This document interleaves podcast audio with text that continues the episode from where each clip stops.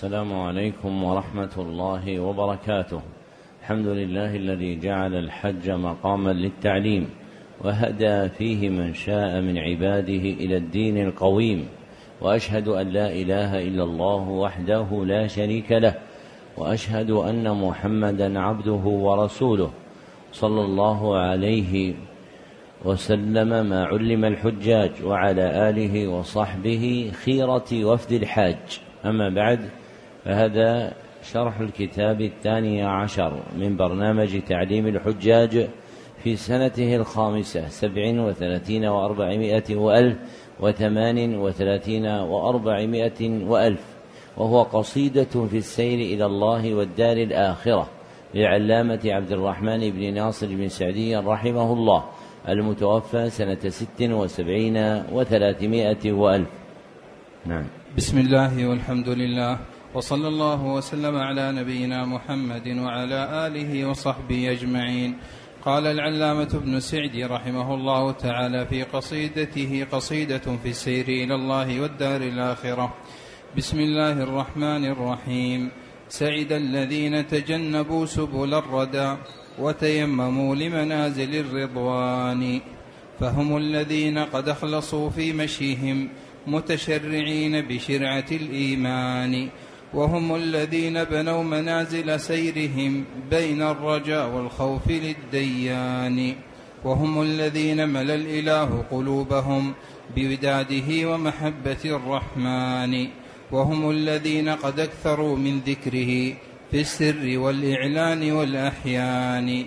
يتقربون إلى المليك بفعلهم طاعاته والترك للعصيان.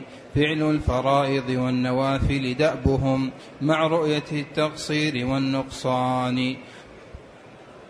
صبروا النفوس على المكاره كلها شوقا إلى ما فيه من إحسان. نزلوا بمنزلة الرضا فهم بها قد أصبحوا في جنة وأمان. في جنة جنة. عليه نزلوا بمنزلة الرضا فهم بها قد أصبحوا في جنة وأمان. ابتدأ المصنف رحمه الله كتابه بالبسملة مقتصرا عليها اتباعا للوارد في السنة النبوية في مراسلاته ومكاتباته صلى الله عليه وسلم إلى الملوك فالتصانيف تجري مجراها والنظم في ذلك كالنتر على حد سواء. في أصح قولي أهل العلم ولا سيما ما كان شعرا مشتملا على معان صحيحة كالأبيات المذكورة. فلا بأس حينئذ باستفتاحها بالبسملة. ثم ذكر المصنف السبب الأعظم المؤدي إلى حيازة من حاز السعادة إياها فقال سعد الذين تجنبوا سبل الردى وتيمموا لمنازل الرضوان فمدار تحصيل السعادة على أمرين. أحدهما تجنب سبل الردى أي طرق الهلاك. والآخر تيمم منازل الرضوان أي قصد منازل العبادة المحققة رضوان الله عز وجل. فإن العبد ينال السعادة بتجنب ما يردي وفعل ما يرضي. فإن العبد ينال السعادة بتجنب ما يردي وفعل ما يرضي. فإذا كان العبد حريصا على تجنب ما يؤدي إلى الهلاك من طرقه قائما بفعل ما يقربه إلى الله سبحانه وتعالى ويرضاه نال السعادة. وحقيقة السعادة أنها الحال الملائمة للعبد. أنها الحال الملائمة للعبد. فإذا تأتل العبد حالا يقوم بها في قلبه وبدنه رآها ملائمة له صار في مقام السعادة العظيمة. وهذان المقامان المذكوران في البيت الأول جامعان لمقامين يسميان مقام التخلية والتحلية. فالتخلية تنزيه النفس من الرذائل والتحلية إمداد النفس بالفضائل.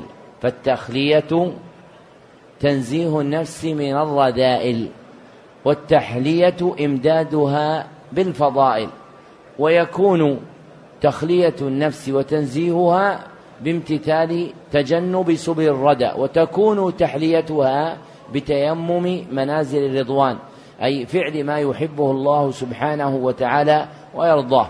ثم ذكر المصنف رحمه الله منزلة ثانية من منازل سير هؤلاء فقال فهم الذين قد أخلصوا في مشيهم متشرعين بشرعة الإيمان.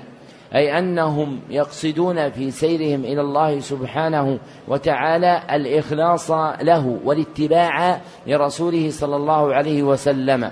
فالإخلاص في قوله فهم الذين قد أخلصوا في مشيهم والاتباع في قوله متشرعين بشرعة الإيمان أي متعبدين الله سبحانه وتعالى بما شرعه لهم مما جاء به النبي صلى الله عليه وسلم. وحقيقة الإخلاص شرعا هي تصفية القلب من إرادة غير الله. تصفية القلب من إرادة غير الله. وإلى ذلك أشرت بقولي إخلاصنا لله صف القلب من إرادة سواه فاحذر يا فطن. وحقيقة الاتباع هو الاقتداء برسول الله صلى الله عليه وسلم والتأسي به. كما قال تعالى لقد كان لكم في رسول الله أسوة حسنة أي قدوة حسنة. فلا يقبل من العبد عمله حتى يكون خالصا لله صوابا على سنة رسول الله صلى الله عليه وسلم. كما قال شيخ شيوخنا حافظ الحكمي في سلم الوصول شرط قبول السعي أن يجتمع فيه إصابة وإخلاص معه. أي شرط قبول سعي الساعي بعبادة الله أن يكون مخلصا لله مصيبا فيما يأتيه ويدره سنة النبي صلى الله عليه وسلم. ثم ذكر رحمه الله تعالى من منازل سيرهم ما ذكره في قوله وهم الذين بنوا منازل سيرهم بين الرجاء والخوف للديان وهم الذين ملا الإله قلوبهم بوداده ومحبة الرحمن فهم جامعون بين رجاء الله وخوفه ومحبته. وهؤلاء الثلاث هن أركان عبادة الله فعبادة الله لها ثلاثة أركان. أولها محبته سبحانه. وحب الله شرعا هو تعلق القلب بالله ودورانه مع ما يرضاه. تعلق القلب بالله ودورانه مع ما يرضاه.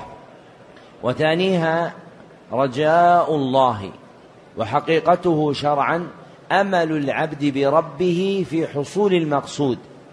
أمل العبد بربه في حصول المقصود مع بذل الجهد وحسن التوكل مع بذل الجهد وحسن التوكل. وثالثها الخوف من الله وحقيقته شرعا فرار قلب العبد إلى الله فزعا وذعرا. فرار قلب العبد إلى الله فزعا وذعرا. فعلى هؤلاء تدور العبادة فهي أركانها العظام وأصولها الجسام والمحبة منها بمنزلة الرأس من جسد الطائر والخوف والرجاء كالجناحين. فأعظم سائق إلى عبادة الله محبته فمن عظم تعلق قلبه بالله ودار مع ما يرضاه صار محبا له فحمله الحب لله على عبادته ويعينه على تمام ذلك رجاء الله وخوفه فهما للحب بمنزلة الجناحين للطائر فلا حراك للطائر كي يطير بلا جناحين وإن كان له رأس حتى يقوى الجناحان. فكذلك لا يقوى قلب العبد على سوقه إلى عبادة الله حتى يضم إلى المحبة خوف الله ورجاءه. فهو يرجو الله عز وجل مؤملا منه حصول ما يطلبه ويبتغيه مع بذل الجهد وحسن التوكل. فالراجي لا بد أن يكون صادقا في رجائه ببذل جهد وحسن توكل على الله. وإن كان شيئا يجري على اللسان بلا حسن توكل ولا بذل جهد فلا حقيقة لهذا الرجاء. ويضم إلى رجائه خوفه من الله سبحانه وتعالى بأن يمتلئ قلبه بالذعر والفزع من الله. وهذا الخوف هو خوف إجلال وهيبة لا خوف نقمة وخيبة. فالكمال في خوف العبد من ربه أن يخافه إجلالا وإعظاما وهيبة له لا أن يخاف سوط عذابه ونقمته. فإن من جملة ما يخاف من الله أن يخاف العبد من سوط النقمة. لكن أعظم من هذا أن يخاف المرء من ربه سبحانه وتعالى خوف إجلال وهيبة. فيجل الله سبحانه وتعالى عن أن يعصي أمره إعظاما له سبحانه وتعالى. فإذا اجتمع القلب على ذلك كان متما أبلغ الخوف. وإذا جعل معه خوف العذاب فقد كمل خوفه من الله سبحانه وتعالى. فمن أراد أن يسوق قلبه إلى الله ينبغي له أن يملأ قلبه من محبة الله سبحانه وتعالى. ثم يقوي هذا الحب بالخوف والرجاء منه سبحانه وتعالى. وإذا كان العبد ضعيف المحبة لله وقع في المعاصي. قال من قال تعصي الاله وأنت تزعم حبه. هذا لعمري في القياس بديع. لو كان حبك صادقا لأطعته. إن المحب لمن يحب مطيع. فمن كان صادقا في حب الله حملته تلك المحبة على طاعة الله. ويمد هذه المحبة قوة رجاء العبد. ربه وخوفه منه سبحانه وتعالى. ثم ذكر رحمه الله من منازل سير هؤلاء السعداء ما ذكره في قوله وهم الذين قد اكثروا من ذكره في السر والإعلان والأحيان أي أنهم يكثرون ذكر الله في السر أي في الإخفاء والإعلان أي في الجهر والأحيان أي في جميع الأحوال فهم ملازمون ذكر الله. وفي صحيح مسلم من حديث عائشة رضي الله عنها أن النبي صلى الله عليه وسلم كان يذكر الله على كل أحيانه أي كان ملازما ذكر الله سبحانه وتعالى لأن ذكر الله يحصل به السبق إليه. ففي صحيح مسلم من حديث أبي هريرة رضي الله عنه أن النبي صلى الله عليه وسلم قال سبق المفردون. قالوا ومن المفردون يا رسول الله؟ قال الذاكرون الله كثيرا والذاكرات. فسبق القلوب إلى الله يكون بإكثار العبد من ذكر الله. فمن سبق إليه بذكره سبق عنده سبحانه بثوابه وأجره. وحقيقة ذكر الله شرعا هو حضور القلب وإعظامه هو حضور الله وإعظامه في القلب أو اللسان أو هما معا حضور الله وإعظامه في القلب في القلب أو اللسان أو هما معا وحقيقته دوام إعظام الله سبحانه وتعالى وإجلاله. فكل ما يعظم به الرب سبحانه وتعالى هو من ذكر الله فالصلاة من ذكر الله والحج من ذكر الله والتسبيح من ذكر الله وطلب العلم من ذكر الله. قال عطاء بن أبي رباح أحد فقهاء التابعين مجلس يتعلم فيه العبد الحلال والحرام من ذكر الله عز وجل. ومن عظم حظه من أنواع ذكر الله سبحانه وتعالى عظم سبقه عنده. فهؤلاء كانوا سابقين نائلين السعادة لأنهم لازموا ذكر الله فهم يذكرون الله في السر والإعلان وفي جميع الأحيان. ثم ذكر المصنف من حالهم في منازل سيرهم يتقربون إلى الملك بفعلهم طاعاته والترك للعصيان فعل الفرائض والنوافل دأبهم مع رؤية التقصير والنقصان أي أنهم يطلبون بما يفعلون من الطاعات ويتركون من المعاصي القرب إلى الله فالتقرب تفعل من القرب فهو طلب للقرب وهذا القرب المطلوب منهم هو قربهم من الله سبحانه وتعالى. وهذا البناء في كلام العرب وهو التفعل يكون مع بذل جهد وكلفة كالتكلم والتحلم والتعلم فمثلهن أيضا التقرب فيكون من العبد بذل جهد وتكلف في تحصيل هذا المقام فهو يحمل على نفسه قوة في فعل المأمورات وكفا في ترك السيئات تقربا إلى الله سبحانه وتعالى أي ابتغاء القرب من الله. فإن العبد إذا تقرب من الله قربه الله وأدناه وإذا كان العبد قريبا من الله نال رضاه ومحبته سبحانه وتعالى.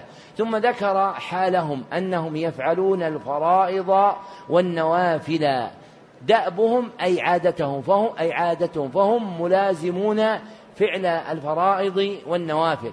والفرائض والنوافل اسم للشرائع المأمور بها. اسم للشرائع المأمور بها. فالفرائض اسم للشرائع اللازمة للعبد لزوما مجزوما به. اسم للشرائع اللازمة للعبد لزوما مجزوما به. والنوافل اسم للشرائع اللازمة للعبد لزوما غير مجزوم به. وهما مذكوران في الحديث الإلهي أن الله سبحانه وتعالى قال ما تقرب إلي عبدي بشيء أحب إلي مما افترضته عليه ولا يزال عبدي يتقرب إلي بالنوافل حتى أحبه. فأعظم ما تحصل به محبة الله تحصل به محبة الله هو فعل الفرائض. فإذا ازداد العبد من النوافل عظم حظه من محبة الله سبحانه وتعالى. وكان من مضى من صدر هذه الأمة يدركون أن المقصود من الإكثار من النوافل هو نيل محبة الله سبحانه وتعالى. فلم يكونوا يرون أن فعل النافلة وتركها على حد سواء بل ترك النافلة عندهم ينقص مقام العبودية ولكنهم كانوا يستعملون الفرق بين الفرض والنفل في لزوم الإثم وعدمه فالفرق بينهما لأجل أن من ترك الفرض أثم وأن من ترك النفل لم يأثم لكنهم كانوا يجتهدون في فعل النوافل مع فعل الفرائض حتى كان بعضهم يعد النوافل في حق نفسه فرضا لكثرة ملازمته لها فهي بمنزلة القوت اللازم للقلب الذي لا يقوى القلب ولا يدوم أمره في الاستقامة على دين الله حتى يتزود من هذه النوافل فكانوا يستكثرون منها. وأما اليوم فالناس يسألونك هل هذا سنة أم فرض؟ والحامل لهم على السؤال أنه إن كان فرضا فعلوه. وإن كان سنة إيش؟ لم يفعلوه بل تركوه. وهذا نقص في مقام العبودية لله. فنوافل الشرائع محبوبة لله كفرائضه. ومن أراد تحصيل مقام العبودية فلا يليق به أن يفرط شيئا مما يحبه الله سبحانه وتعالى. فإن الله يحب أن يراك مصليا العشاء. ويحب أن يراك آتيا براتبة العشاء بعدها ركعتين. فالذي يصلي العشاء ويأتي بالركعتين بعدهما راتبة بلغ من منزلته في محبة الله أعظم من ذلك العبد الذي يصلي فرض العشاء ثم يخرج من المسجد. لأن الأول علم أن راتبة العشاء محبوبة أن راتبة العشاء محبوبة لله. فأحب محبوب الله فأحبه الله. وذلك الذي اقتصر على فرض العشاء لم يبالغ فيما يطلب به محبة الله فقصر في محبوبات الله. فتقصيرك في طلب محبوبات الله يبعدك عنه سبحانه وتعالى. ولكن استكثارك من ذلك يجعلك محبوبا له. ولأجل هذا كانت مداومة السلف للأعمال الصالحة تجعل أحدهم بمنزلة من لا يستطيع أن يزيد في عمله شيئا لكثرة ملازمته الفرض والنفل في يومه وليلته حتى قيل في حماد بن سلمة وغيره لو قيل له أنك تموت الساعة لما ازداد لله طاعة يعني لو قيل تموت الآن ما ازداد طاعة لماذا؟ لأنه دائم الاتصال في ملازمة طاعات الله سبحانه وتعالى. وأما أحدنا فإذا ارتعدت فرائصه وأصابه المرض أو رق عظمه فزع إلى طاعات الله سبحانه وتعالى. وعندئذ فإنه لا يقدر على كل ما يطلب لأن الأبدان والأرواح إذا عودت شيئا اعتادته وإذا منعته في قوتها صار صعبا عليها أن تلين له.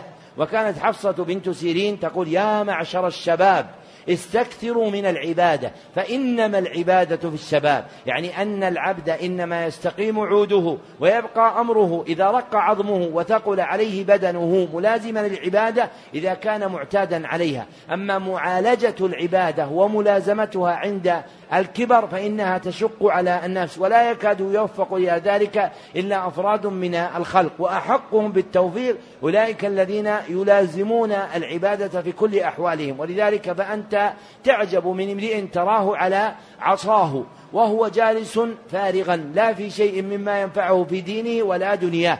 فتستغرب أنه حتى التسبيح والتهليل لا يذكره لأنه لم يعتد هذا. وأما من اعتاد هذا فإنه يصير عادة لازمة له. ولأجل هذا لما كان المؤمنون الذين يدخلون الجنة خلص من ذكر الله وقام بحقه يكون من حالهم في الجنة أنهم يلهمون التسبيح والتحميد كما نلهم النفس لأنه يجري منهم من ذكر الله وتعظيمه وإجلاله كما يجري منا نحن في أنفاسنا. وفي الناس من يصطفيهم الله سبحانه وتعالى. فتكون تسبيحاته كأنفاسه. فلا يكاد يخرج منه نفس إلا وهو يذكر الله بتسبيح أو تحميد أو قراءة قرآن أو تعليم علم أو أمر بمعروف أو نهي عن المنكر. وهؤلاء هم خلص عباد الله الذين أعانهم الله سبحانه وتعالى على طاعته. ثم قال بعد ذكر حالهم يتقربون إلى المليك بفعلهم طاعاته والترك للعصيان فعل الفرائض والنوافل دأبهم مع رؤية التقصير والنقصان أي أنهم يفعلون ما يفعلون من الفرائض والنوافل ثم ينظر أحدهم إلى نفسه بعين العيب والنقص والإزراء فهو لا يرى أن منه شيء. ولا أنه فعل شيء لأنه إذا ذكر ما حباه الله سبحانه وتعالى به من خير وبر وعافية وصحة وأمن وإيمان عقل أن ما يأتي به هو لا يكون شيئا في جنب الله سبحانه وتعالى. ولذلك لما ذكر لابن عمر رضي الله عنه عمله قال لو أعلم أن الله تقبل مني ركعتين لعلمت أني من أهل الجنة لأن الله يقول إنما يتقبل الله من المتقين. وجاء رجل إلى عامر بن عبد الكوفي وهو يحتضر يعني في ساعة موته يذكره الأعمال الصالحة التي كان عليها من صلاة وصيام وصدقة وقيام ليل ليسليه ويحمله على حسن الظن بالله. فالتفت إليه عامر وقال فأين قول الله تعالى إنما يتقبل الله من المتقين؟ يعني يخاف على نفسه أن يكون ما قدمه من الأعمال لم يتقبله الله سبحانه وتعالى منه لأن العبد إذا رأى حسنته وجعلها بين عينيه واستعظم بها على الله وعلى خلق الله ربما كانت سببا في دخوله النار. قال سعيد بن جبير إن الرجل ليعمل الحسنة يدخل بها النار. وإن الرجل لا يعمل السيئة يدخل بها الجنة. وتفسير ذلك كما ذكره ابن تيمية الحفيد وغيره أن عامل الحسنة لم تزل حسنته بين عينيه يمن بها على الله ويستعلي بها على خلق الله فزخ في قفاه إلى نار جهنم. وفاعل السيئة لم يزل شاهدا تلك المعصية بين عينيه يخاف أن يؤاخذه الله بتلك المعصية ويدخله في نار جهنم.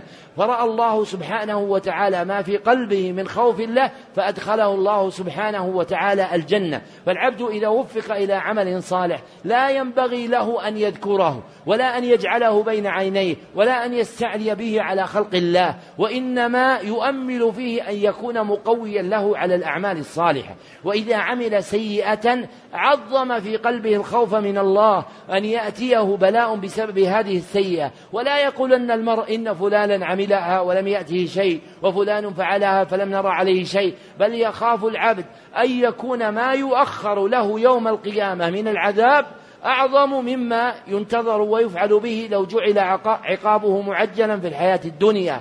فملاحظة النقصان والتقصير هي من علامات صدق العبودية.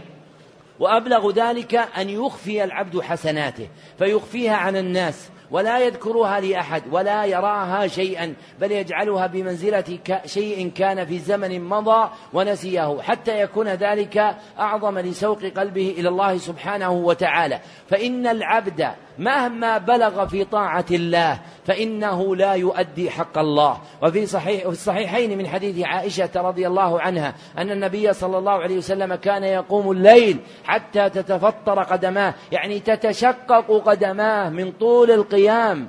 فتقول له عائشة يا رسول الله إن الله غفر لك ما تقدم من ذنبك وما تأخر. فيقول يا عائشة أفلا أكون عبدا شكورا؟ أي ألا أقوم بحق الله من الشكر؟ وقد روى الإمام أحمد في كتاب الزهد أن رجلا من عباد بني إسرائيل عبد الله سبعين سنة أي أكثر من عمر كل واحد منا أو أكثرنا لم يعص الله فيها طرفة عين. فلما مات أقيم بين يدي الله فقال الله له يا عبدي أدخلك الجنة برحمتي أم بعملك؟ فقال المغرور بعمله المقصر في معرفة ربه بل أدخلها بعملي يا رب. فقال الله خذوا عبدي إلى النار. فقال الرجل تجعلني من أهل النار وقد عبدتك سبعين سنة لم أعصك فيها طرفة عين. فقال الله جل الله يا عبدي أما تذكر ليلة كذا وكذا؟ يوم ضرب عليك عرق في رأسك. يعني لج عليه عرق في الرأس يضرب فيه. قال بلى يا رب. قال فإن عبادة سبعين سنة تعدل نعمة تسكين هذا العرق.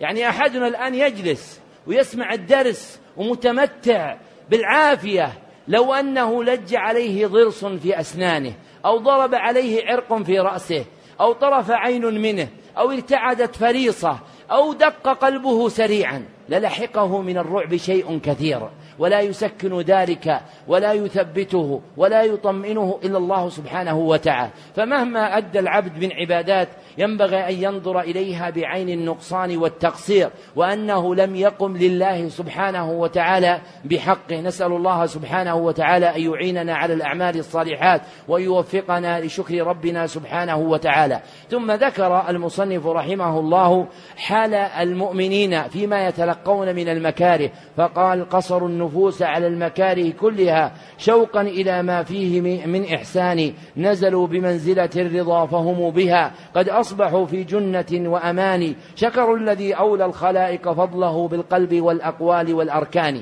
فالناس فيما يتلقون من المكاره لهم ثلاث مقامات.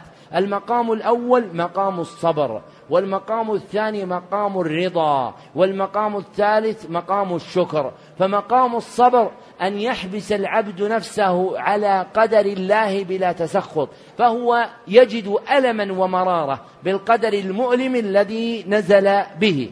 وأما من نزل في منزلة الرضا فإنه يتلقى قدر الله ولا يجد في نفسه ألما ولا مرارة. فنزعت منه هذه الآلام تسليما لقدر الله. وأما الشاكر فإنه لا يؤنس ألما ولا مرارة ويجري لسانه وقلبه وأركانه بشكر الله سبحانه وتعالى. فأقل ما ينبغي أن يتلقى به العبد المكاره الصبر. فإذا نزلت بك مصيبة فإنه يجب عليك أن تصبر. فلا تتسخط قدر الله ولا تجزع منه. وإن أردت أن تعلي نفسك فكن راضيا بقدر الله بأن بقدر الله بأن تنزع الألم والحسرة من قلبك. فإن ارتقيت إلى مقام أعظم وهو مقام الشكر فهذا أعظم المنازل بأن يصاب العبد بالمصيبة ثم يشكر الله سبحانه وتعالى. لأن ما تركه الله له أكثر وما قدمه إليه في الآخرة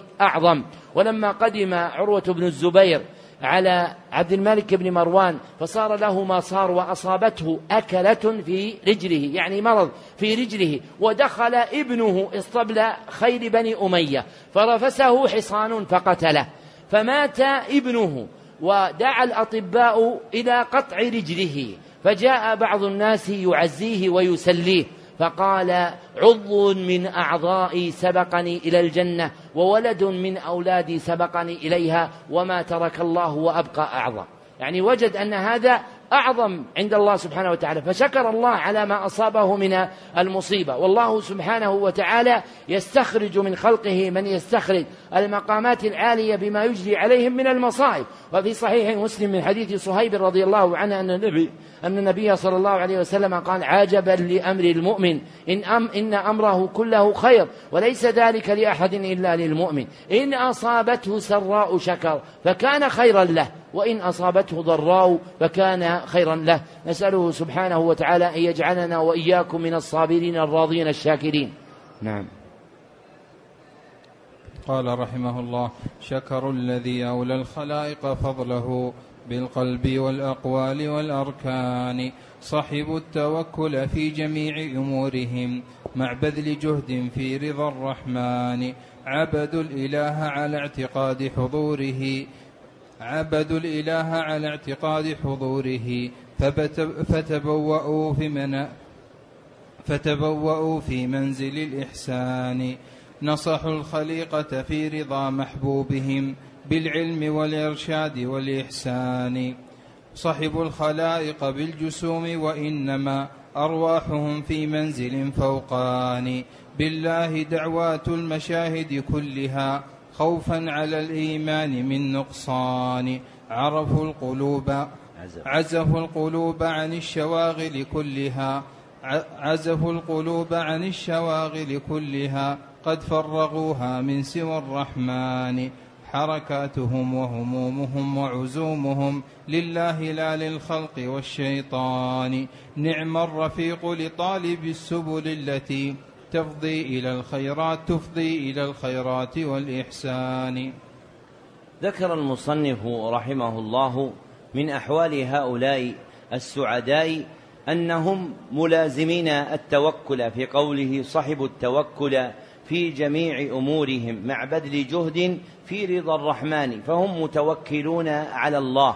وحقيقة التوكل شرعا إظهار العبد عجزه لله واعتماده عليه.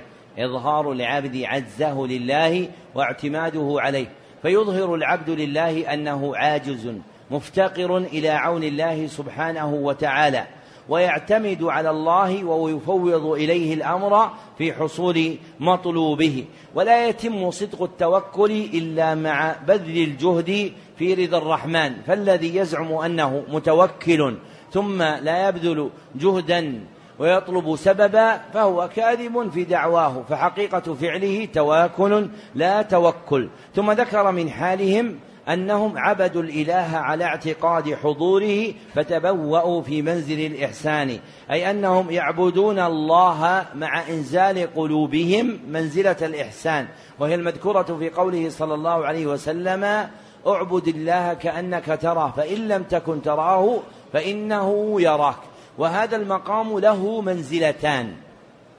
إحداهما منزلة المشاهدة وهي أن يعبد المرء ربه مع استحضاره شهوده الله عز وجل فيتخايل أنه يشاهد الله. والآخر مقام المراقبة وهو أن يعبد المرء ربه مستحضرا أن الله مراقب له مطلع عليه.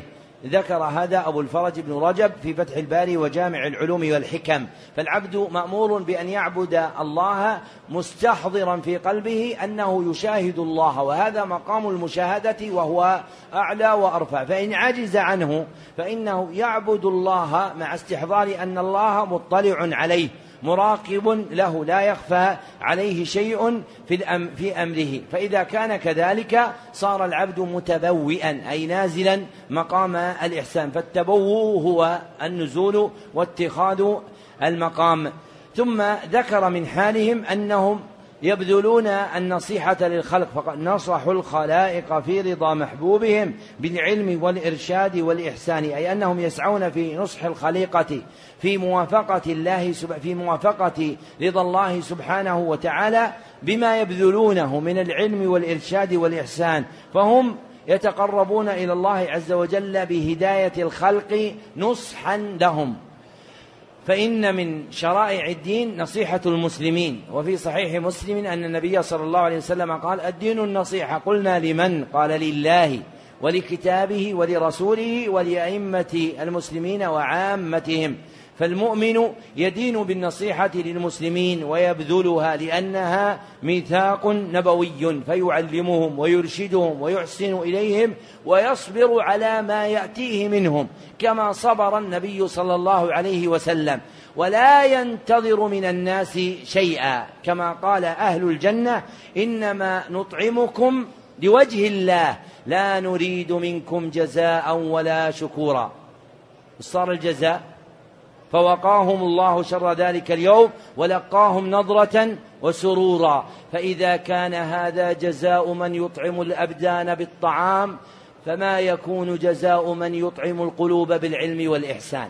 إلا أن يكون في مقام أعظم وأعلى من هذا المقام. فإذا استحضر العبد هذا صبر على تعليم الناس وهدايتهم وإرشادهم ولم ينتظر منهم شيئا.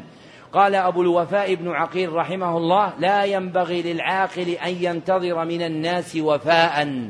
لا ينبغي للعاقل أن ينتظر من الناس وفاء. لأن أصل خلقة الإنسان أنه خلق على الظلم والجهل قال تعالى وحملها الإنسان إنه كان ظلوما جهولا. فالعبد إذا سعى في هداية الناس وعلمهم وأرشدهم ينبغي أن لا ينتظر منهم خيرا ولا يتخوف منهم شرا. فهو يعامل الله سبحانه وتعالى. وما أصابه من شيء رضي أن يكون الجزاء له من الله سبحانه وتعالى فصبر على ما أتاه من الناس. ويتمثل العبد هدي النبي صلى الله عليه وسلم وسيرته فإن النبي صلى الله عليه وسلم فعل به أهل الإشراك ما فعلوا من الأذية وإيصال ما يكره إليه.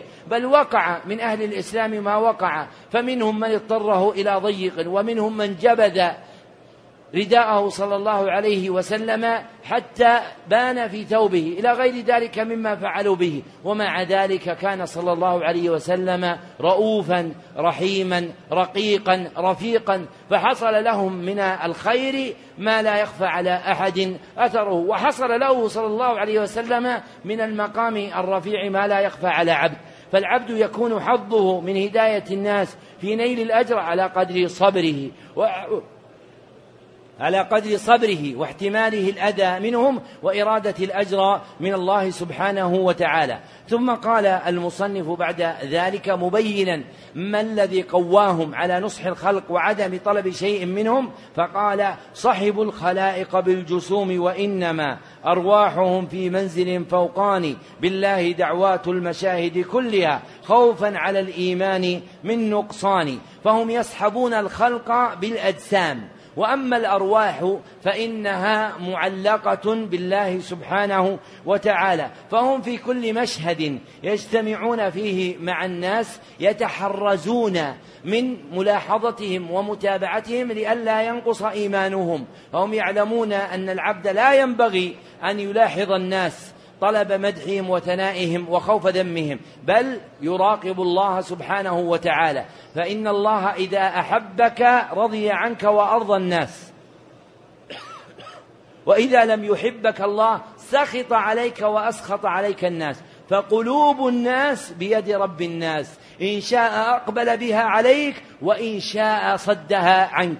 ومن الناس من قصار أمره النظر إلى الأسباب المادية مما يسمى اليوم بوسائل الإعلام والدعاية والتواصل الاجتماعي. وينسى المدد الرباني الذي ذكره النبي صلى الله عليه وسلم فقال إن الله إذا أحب عبدا. نادى في السماء أن أمر جبريل فنادى في السماء إن الله يحب فلانا فأحبوه. فيحبه الملائكة ثم يوضع له القبول في الأرض. فهذه الأمور لا تنال من الناس وإنما تنال من رب الناس. فينبغي أن يشتغل العبد بإصلاح ما بينه وبين الناس. وأما الناس فإنهم لا يغنون ولا يقدرون على شيء إلا ما وفق الله سبحانه وتعالى إليه. وفي أخبار بعض بعض من مضى أنه كان كثير الرياء. حتى شهر بذلك فكان يسمى فلانا المرائي. فلما تقدمت به السن ندم ونزع عن هذا وأناب إلى ربه وارعواه فبقي الناس يسمونه فلانا المرائي. فلما كان في ليلة صلى فيها وكان عادته قيام الليل فصلى فيها ثم تضرع إلى الله أن يبرئه مما تاب إليه وأن ينزع هذا من ألسنة الناس. فلما خرج قاصدا صلاة الفجر قبل دخول وقتها في ظلمة الليل فبصر به اثنان من العسس يعني من عسكر الليل الذين يحفظون الأمن فيه. فنادى أحدهم تخويفا من هذا؟ فقال صاحبه هذا فلان يعني أنه من أهل الحارة المعروفين. فقال هذا فلان. فقال الآخر المرائي. فقال الأول قد كان فتاب فتاب الله عليه. قد كان فتاب فتاب الله عليه. هذا تكلم لما أنطقه الله سبحانه وتعالى. ولذلك ملاحظة الخلق لا تجدي على المخلوق شيئا. وإنما ينفع المرء نظره إلى الله سبحانه وتعالى. ثم ذكر المصنف من حالهم عزفوا القلوب عن الشواغل كلها قد فرغوها من سوى الرحمن. أي أنه لم يتعلق بقلوبهم شيء سوى الإقبال على أمر الله سبحانه وتعالى فقلوبهم فارغة من إرادة سواه. وإذا شغلوا بشيء من أمر الدنيا كان شغله لهم في الظاهر دون الباطن فهم يصيبون من الدنيا ما يصيبون ويجعلون محله الظاهر فلا يستولي على قلوبهم. ولذلك قال الله سبحانه وتعالى زين للناس حب الشهوات من النساء والبنين والقناطير المقنطرة إلى آخر الآية. فأخبر الله أن الله فأخبر الله أنه جعل هذا فطرة في قلوب الناس. لهم أن يتناولوا ما شاءوا من تلك الشهوات باعتبار الظاهر. أما إذا استولت على الباطن فقد قال الله سبحانه وتعالى فخلف من بعدهم خلف إيش؟ أضاعوا الصلاة واتبعوا الشهوات فسوف يلقون غية قال فاتبعوا الشهوات. يعني صارت الشهوات حاكمة عليهم متحكمة فيهم فدخلت بواطنهم ولم تكن على ظواهرهم فقط فحينئذ فسوف يلقون غيا كما توعدهم الله.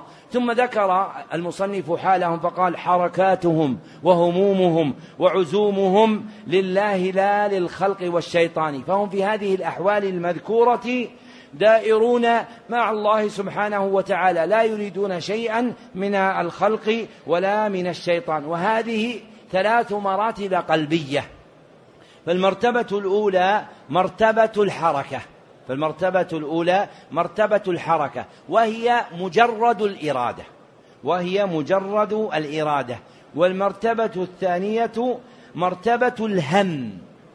وهي الحركة المقرونة بالعزم. الحركة القلبية المقرونة بالعزم والمرتبة الثالثة مرتبة العزم وهي حركة القلب المقرونة بالعزم مع تهيؤ أسباب الفعل مع تهيؤ أسباب الفعل. فأعظم هذه المقامات هي مرتبة إيش؟ العزم. ولذلك قال الله عز وجل لرسوله صلى الله عليه وسلم فإذا عزمت فتوكل على الله. يعني إذا أجمع العبد أمره عاقدا قلبه عازما مع فعل الأسباب فإنه يقدم عليها متوكلا على الله. ثم قال بعد ذكر صفات هؤلاء نعم نعم الرفيق لطالب السبل التي تفضي إلى الخيرات والإحسان أي أن هؤلاء هم أحسن ما يبتغى من الرفقاء والمرء مأمون بأن يصاحب هؤلاء. فقد ثبت عن النبي صلى الله عليه وسلم أنه قال لا يأكل طعامك إلا تقي ولا تصاحب إلا مؤمنا. وقال الله تعالى يا أيها الذين آمنوا اتقوا الله وكونوا مع مع الصادقين. فإن المرء يتأثر بخليله ويجري إليه من أحواله ما يجري. فينبغي للمرء أن ينتخب صحبة صالحة تقربه من الله وتدنيه إليه وتعينه على فعل الصالحات. فإن العبد لا يقدر على كثير من الخير بنفسه لكن إذا قواه غيره أعانه على ذلك. كما قال النبي صلى الله عليه وسلم المؤمن للمؤمن كالبنيان يشد بعضه بعضا يعني يقوي بعضه بعضا. وقال تعالى والمؤمنون والمؤمنات بعضهم أولياء بعض. فمن قصر عن بلوغ هذه المقامات في نفسه فلا ينبغي أن يقصر في مرافقة هؤلاء الكاملين. نسأل الله سبحانه وتعالى أن يصلحنا ويصلح بنا وأن يهدينا ويهدي بنا وأن يلهمنا رشدنا ويقينا شر أنفسنا. اللهم آت نفوسنا تقواها وزكها أنت خير من زكاها أنت وليها ومولاها. اللهم إنا نسألك الهدى والتقى والعفاف والغنى. اللهم إنا نسألك البركة في أعمالنا ونسألك البركة في أعمالنا ونسألك البركة في أقواتنا ونسألك البركة في قواتنا ونسألك البركة في نياتنا ونسألك البركة في ذرياتنا. والحمد لله أولا وآخرا وهذا آخر البيان على هذا الكتاب. اكتبوا طبقة السماع.